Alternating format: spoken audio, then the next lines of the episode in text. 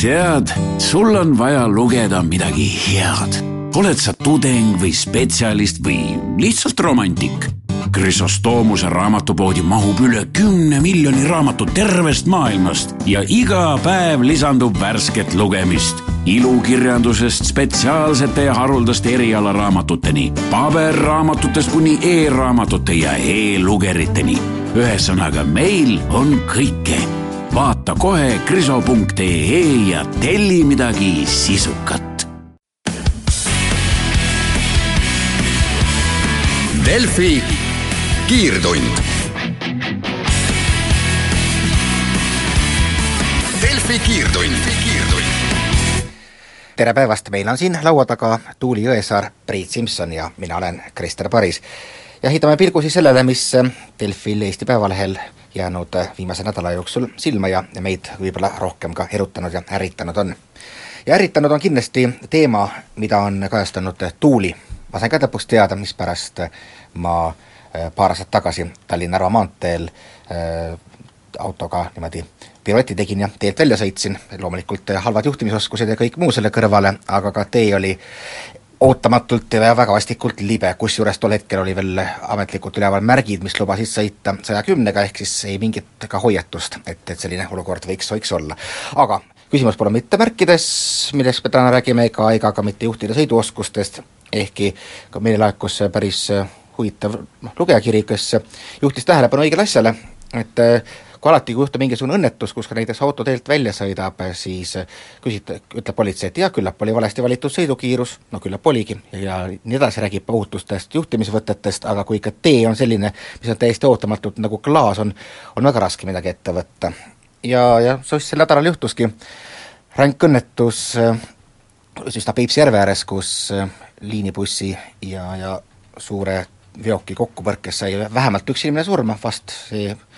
see arv nüüd sellega ka piirdub ja, ja hulk inimesi viidi, viidi haiglasse. ja siis Tuuli, ma arvan, et sa vist ei hakanud, isegi ei oodanud seda tulemust, et kui sa hakkasid uurima, et noh, kuidas see selle tee äh, libedustõrjega on, et see, see vastus, mis lõppkokkuvõttes välja tuli, oli see, et noh, tegelikult me ju kõik teame, teame juba viis aastat ja on isegi ette nähtud, et seda teed peaks hooldatama hoopis teistmoodi, aga lihtsalt seda pole tehtud jah, ma ei, ei oodanud sellist tulemust, et tegelikult see info, ma koperdasin selle otsa võrdlemisi, võrdlemisi juhuslikult, et äh, ma vaatasin seda aegrida, kuidas õnnetus oli juhtunud ja et äh, teehooldusmasin tuli alles pärast õnnetust. Ja siis küsisin äh, sealsest kohalikust hooldusosakonnast, et kas see oli siis nagu viisipärane. Ja siis tuligi välja, õigemini mulle öeldi, et tee on kõrgeima seisunditasemega ja hooldus oli viisipärane.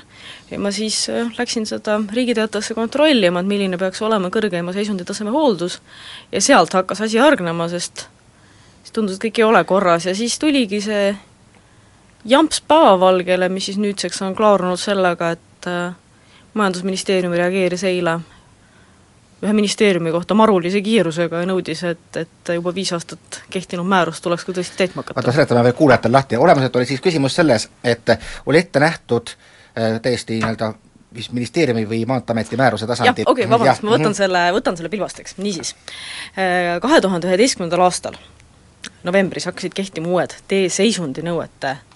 määrus. selle väljastab majandus- ja taristuminister, eks, ministeeriumi tasandi määrus, ja see hakkas kohe ka kehtima, ei olnud seda, et hakkab kehtima millalgi aasta või pooleteise pärast või siis, kui te parasjagu viitsite või jõuate või noh, eks siis tehke kuidagi nii. hakkas kohe kehtima ja see seadis hulga uusi nõudmisi. see ennetav libeduse tõrje kõigil suurematel maanteedel, ehk siis äh, ametliku keeles kolmanda taseme maanteedel, ei olnud ainus uus nõue, seal oli ka oluliselt äh, parandatud erinevaid lumetõrje aspekte, tegelikult muudatuste pakett on, oli päris märgatav, igaüks saab seda tegelikult ise Riigi Teatajast ka lugeda, võtta võrdluseks eelmise redaktsiooni ja vaadata, mis muutus, nii. kui siis, aga noh, ennetav libeduse tõrje oli siis see, mis äh, ilmselt äh, võib-olla sellist keskmist autojuhti kõige rohkem huvitab. sest see on see, mida sa ei, ei märka, just see must jää, vaata nagu sa isegi rääkisid, et sõitsid, eks ole, Narva maanteel teelt välja, nii. ehk siis, kui need uued nõuded hakkasid kehtima, siis Maanteeamet oleks pidanud sõlmima toonaste lepingupartneritega uued lepingud. kuulge, et nüüd tehke seda ka. aga see jäigi suuremas jaos tegemata, kuna mingil kummalisel kombel erafirmadel, kes seda teenust osutasid, tekkis tunne, et kui nad peavad rohkem tööd tegema, siis nad tahaks sellest ka rohkem raha. see loomulikult tuli Maanteeametile üllatusena. või isegi kui ei tulnud üllatusena, siis hinnatõusu nad kas katta ei suutnud või ei tahtnud. et mis seal siis täpselt juhtus? Ei tea mina siiamaani, sellepärast et toonased Maanteeameti juhid on ju ametist häbiga lahkunud, nagu sa mäletad, siis kahe tuhande kaheteistkümnendal aastal Tamur Tsäko lahkus suure skandaaliga ametist ja praeguseks on ka ametialadest kuritegudes süüdi mõistetud. jah, ehk võime utreeritus umbes ette kujutada, kuhu siis need vahendid äh, läksid, mis oleks võinud minna ennetavaks libedustõrjeks, aga või kuidas neid asju seal täpselt aeti, eks noh, ma ise oletan, et võib-olla see lihtsalt ei jõudnud minuni, ma tahaks väga loota, et Maanteeametis praegu tegelikult käib töö ja otsitakse välja, kellega, mida, kuidas toona räägiti, miks see kõik niimoodi läks ja miks info ei liikunud. no praegusel juhul eile majandusminister Kristen Michal väitis mulle surmkindlalt, et Majandusministeerium tõesti ei teadnud kuni minu artiklini. luges lehest? luges lehest. mul puudub, mul puuduvad tõendid, ütlemaks, et see ei olnud nii. ma küll oletan, et vähemalt mingil tasandil ministeeriumis tegelikult teati. Sest kui ikkagi üle-eestiliselt kaheksateistkümnest lepingust seitseteist ei vasta nõuetele, veel paari aasta taguse seisuga, siis ma oletan, et mingi teadmine võiks Majandus- ja Kommunikatsiooniministeeriumis olla aga ma rõhutan, et see on üksnes minu oletus ja võib-olla tõesti kõik on nii, nagu minister väitis, ja ministeeriumil polnud heleseniseid aimu ka. mis seisus on Eesti Teed ja, ja nii edasi. jah, ja kas Maanteeamet teeb seda, mida ta tegema peab? ehk siis harilik järelevalve, ehk jah, tõesti, kui, kui, kui nüüd mõelda nagu selle ütlesin jutu alguse peale, siis see, et, et, et rohkem tööd tähendab rohkem raha,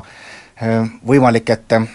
selle taha kõik on, ongi olemuselt jäänud, et saadakse aru ja katsutakse kuidagi niimoodi siis kummi venitada, et noh, ehk ei panna tähele ja kunagi tulevad uued lepingud ja siis on olemas, aga seni ajani oleme suutnud mingisuguse kopika nii-öelda kokku hoida, et jah, kindlasti see taandu osalt oli kindlasti kokkuhoiu küsimus, osalt see, et mitte hakata sonkima rangete riigihanke tingimuste järgi sõlmitud lepinguid ja üleüldse, et mitte ülearu palju vaeva näha. Sest kogu see pusimine oleks kindlasti nõudnud aega, vaeva, läbirääkimist, ministeeriumist tuleb raha juurde nuiata, ettevõtjatega tuleb õiendada, kõik, kõik, ühesõnaga tükk tööd. palju ja, lihtsam on seda mitte teha. kui me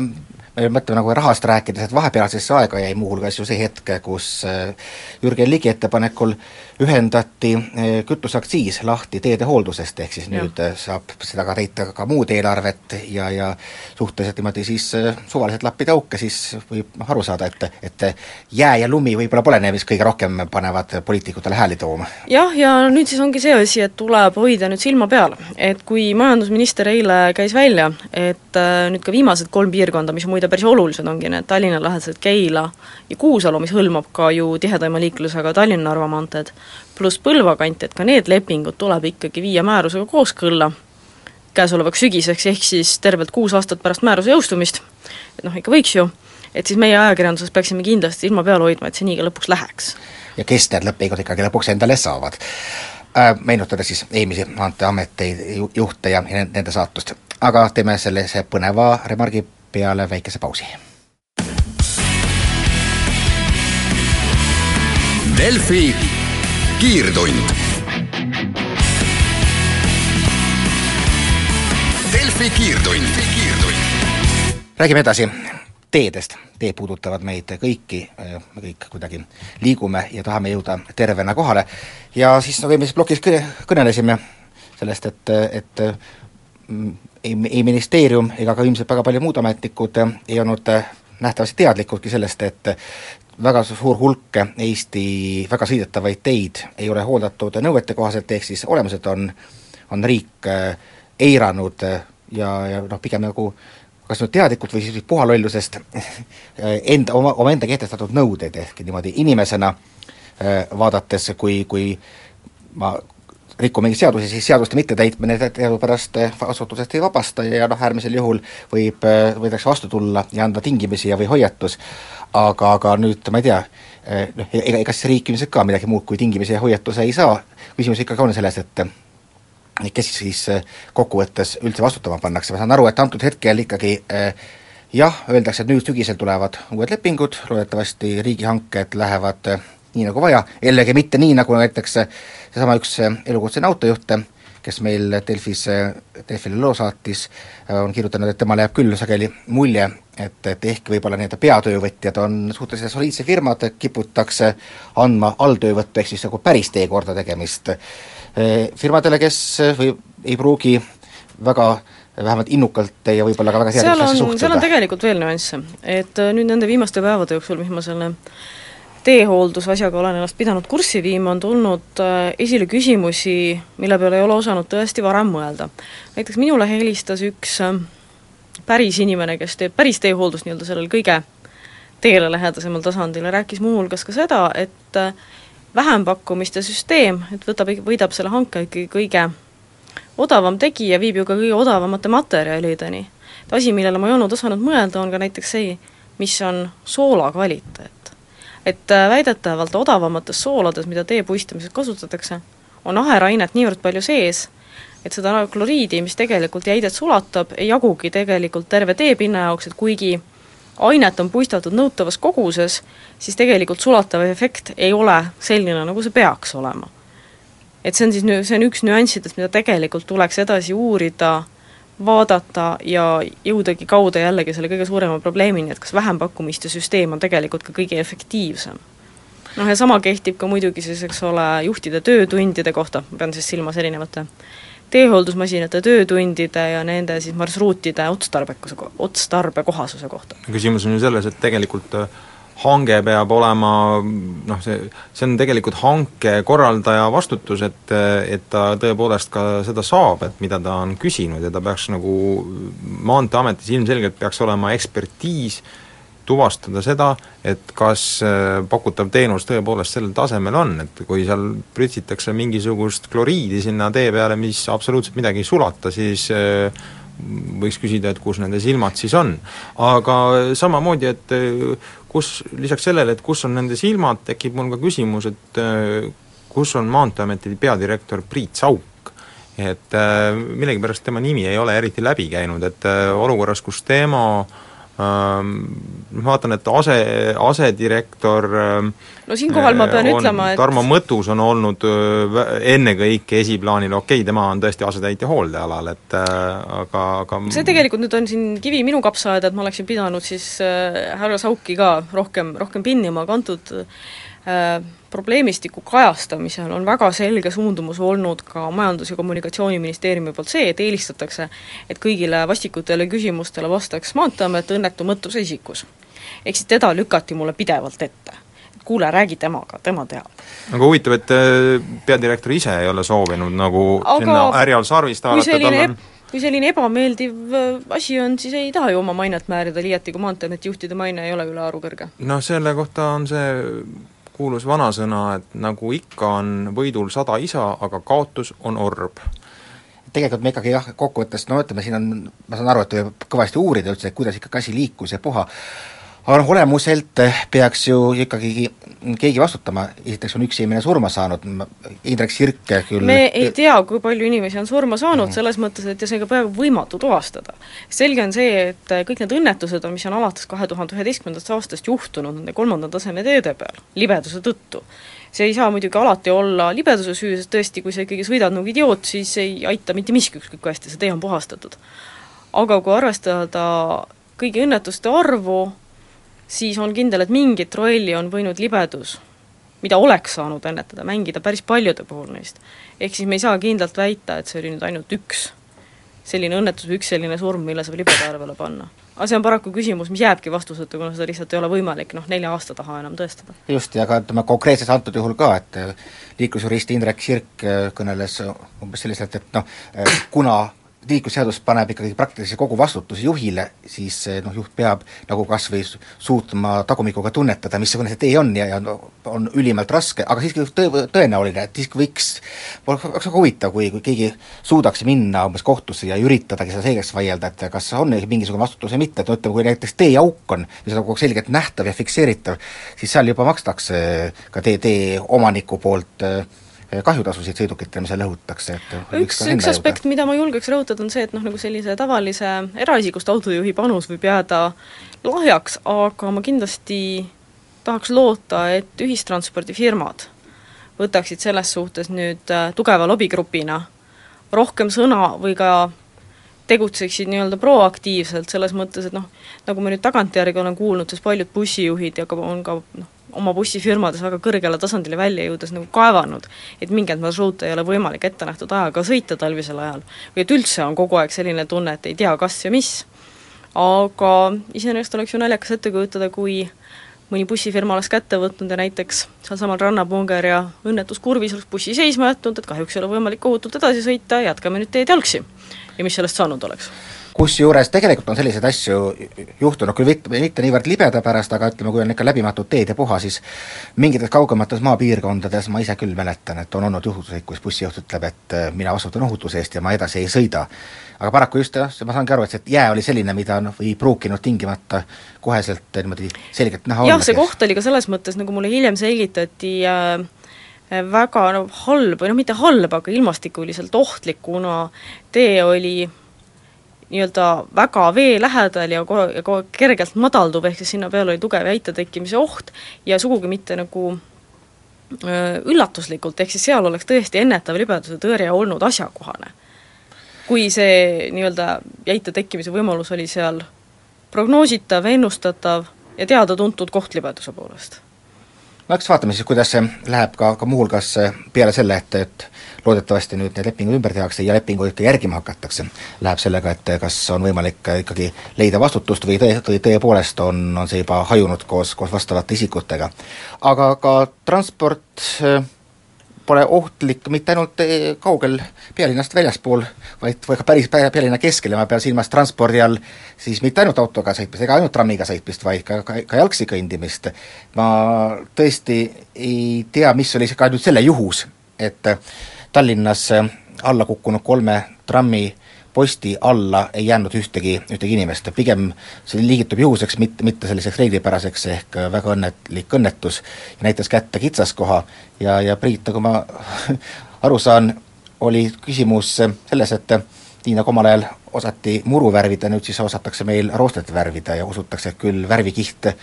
kiht posti püsti peab. no see oli jah, vist äh, kaks aastat tagasi teostati remont ja vaadati neid samu poste, mis nüüd äh, pikali äh, kukkusid, et et äh, ja juhtunud siis nõnda, et võõbati need vanad postid üle ja loodeti, et küllap seisavad veel natuke aega, kui on siiamaani seisnud. aga mis on murettekitav asjaolu, on tõesti see, et ega need postid kukkusid ju pikali suhteliselt sellises rahulikus olukorras, et mingisugust äh, tohutut äh, tornaadot parajasti Tallinna linnas ei olnud, et äh, maavärinad ikka ei esine? jah, et äh, nad lihtsalt kukkusid suhteliselt rahulikus olukorras kolmekesi pikali ja seda väga rahvarohkes piirkonnas, õnne kombel kedagi alla ei jäänud. aga tundub, et see linnatranspordi aktsiaseltsi esimene reaktsioon oli jah, väga selline alivipõhine ja üritati selgeks teha, et kõik on väga suhteline ja pime, pime juhus. et noh, ilmselt kui neid poste ikka kolm tükki kukub, siis nii pime juhus ei olnud, et äh, ja Taavi Aas äh, õnnekombel äh, ikkagi noh, üritab seal vist korda majja saada, et oleks, oleks igati põhjendatud, et linnakeskkonnas selliseid riske lubada on, on ikkagi karjuv ebaõiglus, et sellepärast et võimalus, et järgmisel korral nii ohu, ohutult ja õnnelikult see asi ei lahene, äh, on äh, väga kõrge. ja siin on vähemalt vastutusahelad ilmselt palju selgemini ka tuvastatavad. aga läheme selle tõdemusega edasi uudistele. Delfi kiirtund. Delfi kiirtund laua taga on meil jätkuvalt Tuuli Jõesaar, Priit Simson ja mina olen Krister Paris. noh, rääkisime nüüd kõigest, mille, mille üldmärksõnadeks on taristu ja vastutus, loodetavasti mm, aga ütleme, loodetavasti jah, aga kardetavasti ei, suudetakse need asjad panna omavahel õigesti, õige, õiges harmoonias toimima. aga harmooniaga on veelgi raskem, kui küsimus äh, läheb selliste rohkem õhulisemate teemadeni, ehk siis meie ühise minevikupärandini. et loete mõned märksõnad siin, Eest-, Eesti Vabariigi väljakuulutamine ja vabadussõda, Molotovi-Ribbentropi pakt, Hitler ja või holokaust, Teine maailmasõda, küüditamised ja Nõukogude aja üldine tõlgendus. Need on, on välja toodud Katrin Kello teadustöös, millest, mida refereerib ka tänane Eesti Päevaleht ja mille mm, sisu on see, et Eesti koolides õpetatakse ajalugu umbes samal alusel, nagu, nagu näiteks räägivad äh, lahkule minevad äh, mees ja naine äh, oma senisest elust, ehk siis kui nad on üksteise suhtes ausad, on faktid kõik õiged, aga tõlgendused täiesti erinevad, ehk siis teemad on tundlikud ja, ja õpetaja, kes läheb klassi ette, peab panema siis vastavusse nii enda südametunnistuse, enda arusaamad, selle, mida talt oodatakse, selle, kuidas lapsed seda kõike vastu võtavad, seda olukorras, kus tegelikult nagu ühist ajalookäsitlust riigil ei noh, pigem, pigem, pigem ei ole, kui me mõtleme eriti nagu, kui meie selliste kakskeelsete piirkondade peale, ja just küsimus ongi see, et et kas see tingimata ka, ka, ka peaks olema. aga Priit, nagu ma aru saan, siis see tekitab igal juhul päris palju segadust ja, ja olemuslikult ju kütab neid samu kunagisi minevikust pärit äh, vastuolusid, mis äh, veel ka veerand sajandit pärast taasiseseisvumist meid, meid kammitsevad ka muudkui ka edasi, ka nähtavateks, nähtavateks tulevikudeks ja kõikidele järgmistele põlvkondadele.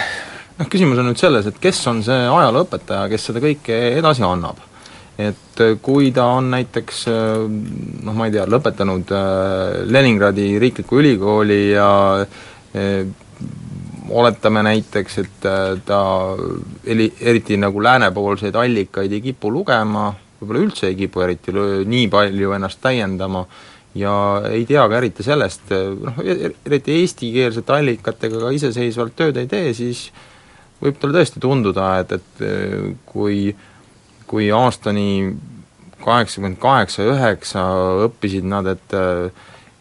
kahekümnendatel, kolmekümnendatel Balti riikides valitsesid protofašistlikud režiimid, äh, kes olid Saksamaa käepikendused, et äh, järsku hakatakse midagi muud õpetama ja tema peamine kontakt selle muu õpeta-, õpetamisega on nagu selle, see ainus õpik, eks ole, mis ta parajasti endale kätte võtab, et äh, ma kahtlustan, et isegi kui ta võib mingid asjad ära esitada seal, siis äh, tõenäoliselt tema sõnade veenvus ei ole kuigi kõrge astmega. et äh, ja, ja kui seesama publik, kes tal seal vastas on, kuuleb ka kodus umbes sellist asja, et, äh, et noh, ma ei tea, et teises maailmasõjas eestlased olid, kõik olid fašistid või suurel määral, aga siis Nõukogude Liit tuli ja tõi näiteks kirjaoskuse, ma võin öelda, et ka Eesti, ma olen mitmete Eesti venelastega rääkinud, kelle puhul ma näen, et see selline noh, nii-öelda see ajalooõpetus, mida nad on saanud, noh, ajaloo taju on ikkagi sootuks erinev, et võivad olla vägagi sellised eestimeelsed ja hea eesti keelega inimesed, aga noh, näiteks neil ei ole mingit erilist mälestust aastast kaheksakümmend kaheksa, kuigi vanuse poolest võiks olla. Äh, näiteks neil on ikkagi see selline äh, Nõukogude Liidu messiaanlik roll, äh, noh mõned vestlused on mind viinud selle arusaamine, et et äh, selline arusaam, et Nõukogude Liit oli selline messias, kes äh, tuli ja tõi ja siia kõik head asjad ja hakkas, ühesõnaga tõi kultuuri.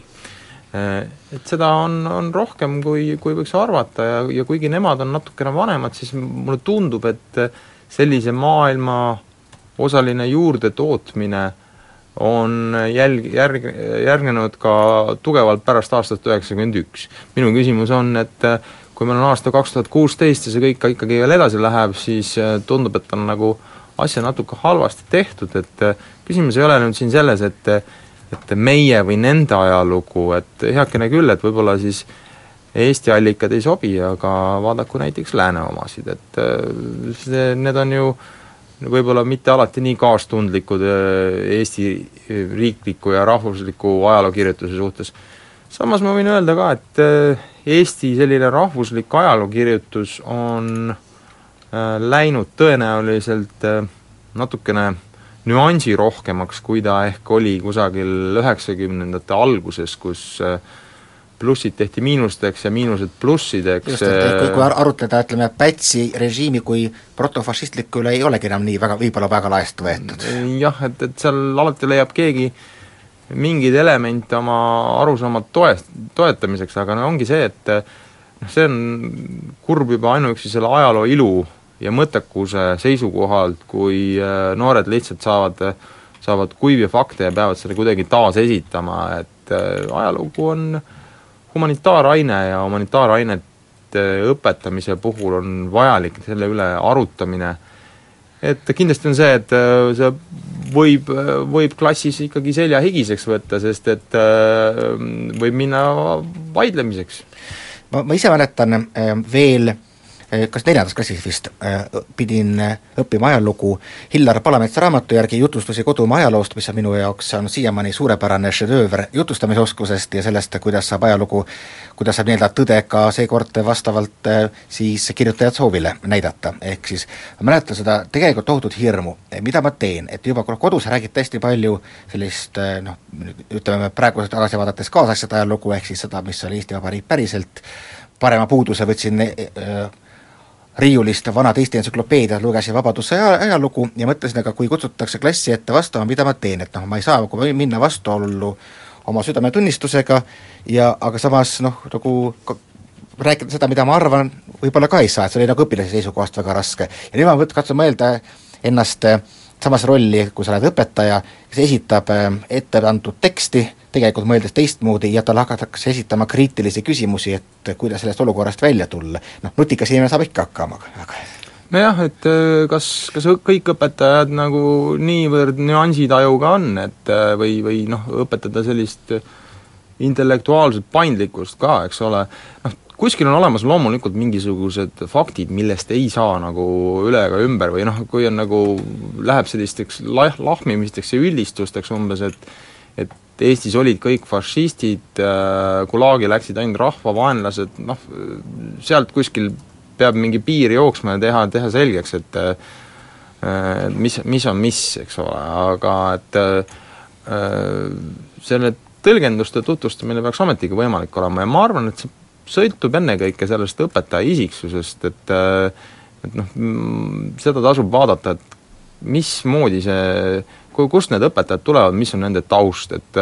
kui, kui nad on ikkagi väga niisugused nõukaaegsed inimesed, siis võib juhtuda, et nad ei vaheta enam käiku, aga samas ka nooremate puhul äh,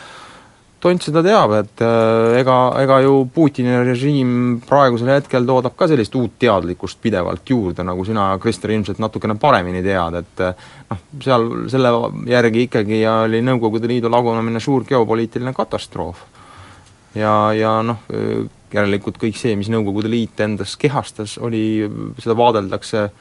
noh, pigem positiivsena. et või, või üha enam selliseks revisjonistlikult, et, et noh, küllap oli ka palju head äh, argumendiga. no see on juba see, sama ar-, argument, mis puudutab, et sellist mesianistlikku rolli, mis sa rääkisid Nõukogude Liidust, et no oli, mis oli, aga me saime hakkama ühe nii suure asjaga, ehk võitsime fašismi, et see nagu on indulgents äh, peaaegu kõigele muule, mis, mis tehti. no ma mäletan, mingi hetk ma kunagi kirjutasin teemal Yana Toom ja ajalookäsitlus ühe väikese repliigi ja siis Yana Toom sotsiaalvõrgustikus äh, kahjuks liiga hilja nägin seda, et ta küsis mu käest, et, et mitte, mitte otse minu käest, aga jah, et mida ta siis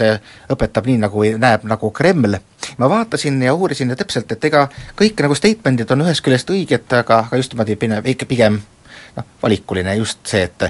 ikkagi su-, suur võit ja, ja, ja selle ümber koondubki kõik, ehk siis selliste putinistlikku lähenemist. oh,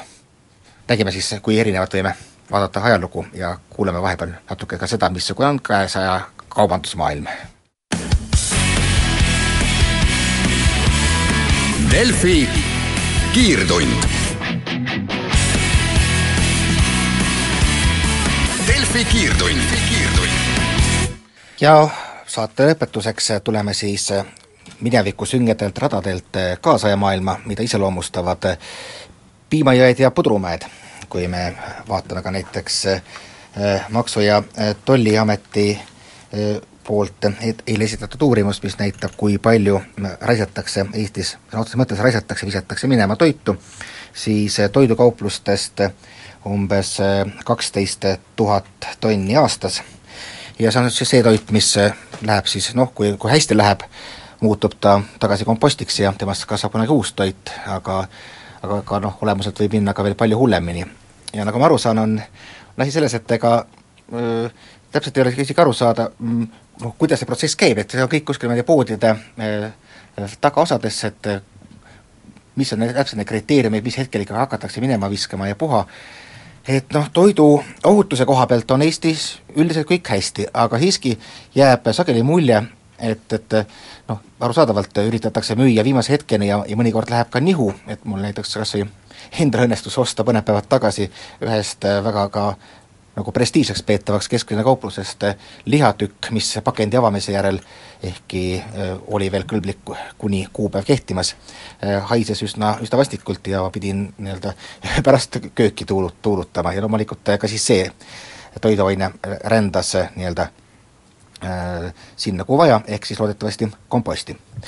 aga see noh, toiduainete minema viskamine on, on tekitanud taas kord küsimuse, et kui me ikkagi räägime, et meil on Eestis no pigem isegi kümneid tuhandeid inimesi, kes pigem, kes on, kellel on raskusi vähemalt täisväärtusliku toidu saamisega, muuhulgas ka lapsi, et kuidas see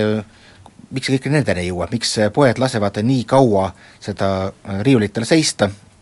et, et vi-, viimaks on see kõlblik kuni käes ja lähebki minema viskamisele, selle asemel, et annetada ta kas või, kas või läbi Toidupanga siis nendele, kes tahaksid seda toitu saada, ehk siis olukord on natukene sama nagu üldiselt maailmas tervikuna, kus maakera suudab ennast praegusel hetkel väga hästi ära toita. küsimus ei ole toidupuuduses, vaid küsimus on selles, et ühel pool ongi täpselt need suured toidumäed, mis ei jõua paratamatult näiteks Darfuri, kus neid oleks, oleks, oleks vaja. ehk siis kas me kuidagi suud-, suudame praegu näha mingisuguseid lahendusi, mis oleksid noh, ühest küljest lihtsad, aga teisest küljest küljest ka toimivad, et eks noh, transport ja logistika ja kõik muu ongi hirmus keeruline, et nagu poe praegu viskad ära sellepärast, et nii on, nii, nii, nii on lihtsam. noh, tegelikult öö, öö, küsimus on ju selles, et kas see, kas see äraviskamine praegusel hetkel noh, see läheb prügisse ja prügi meil ju tegelikult käideldakse ka kuidagiviisi edasi. et seal on ju mitmeid, mitmeid meetodeid, et selles mõttes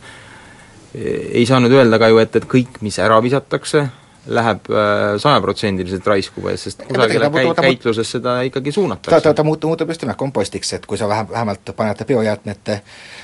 konteinerisse ja sa saadad kuhu vaja, siis noh, või võib loota, et, et ta nii-öelda jõuab loodusesse tagasi õigel kujul, et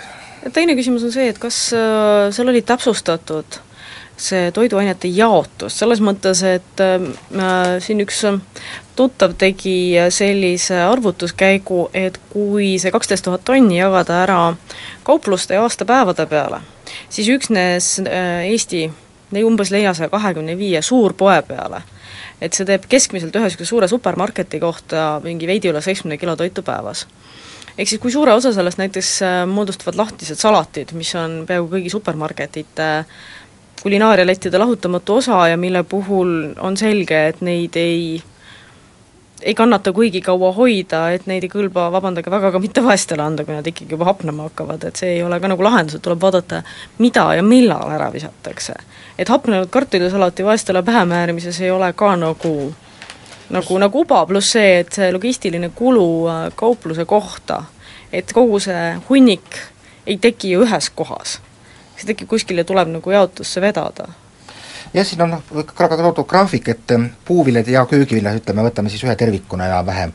ehk siis nii-öelda just noh, need, mis ei ole valmistoit, aga mis on sul nendes kastides ootavad võtmist, banaanid ja kurgid ja need kokku moodustavad nelikümmend viis protsenti, ühesõnaga peaaegu poole mm. sellest mm. ja ütleme, valmistoit kõigest, kõigest kümnendikku. aga noh,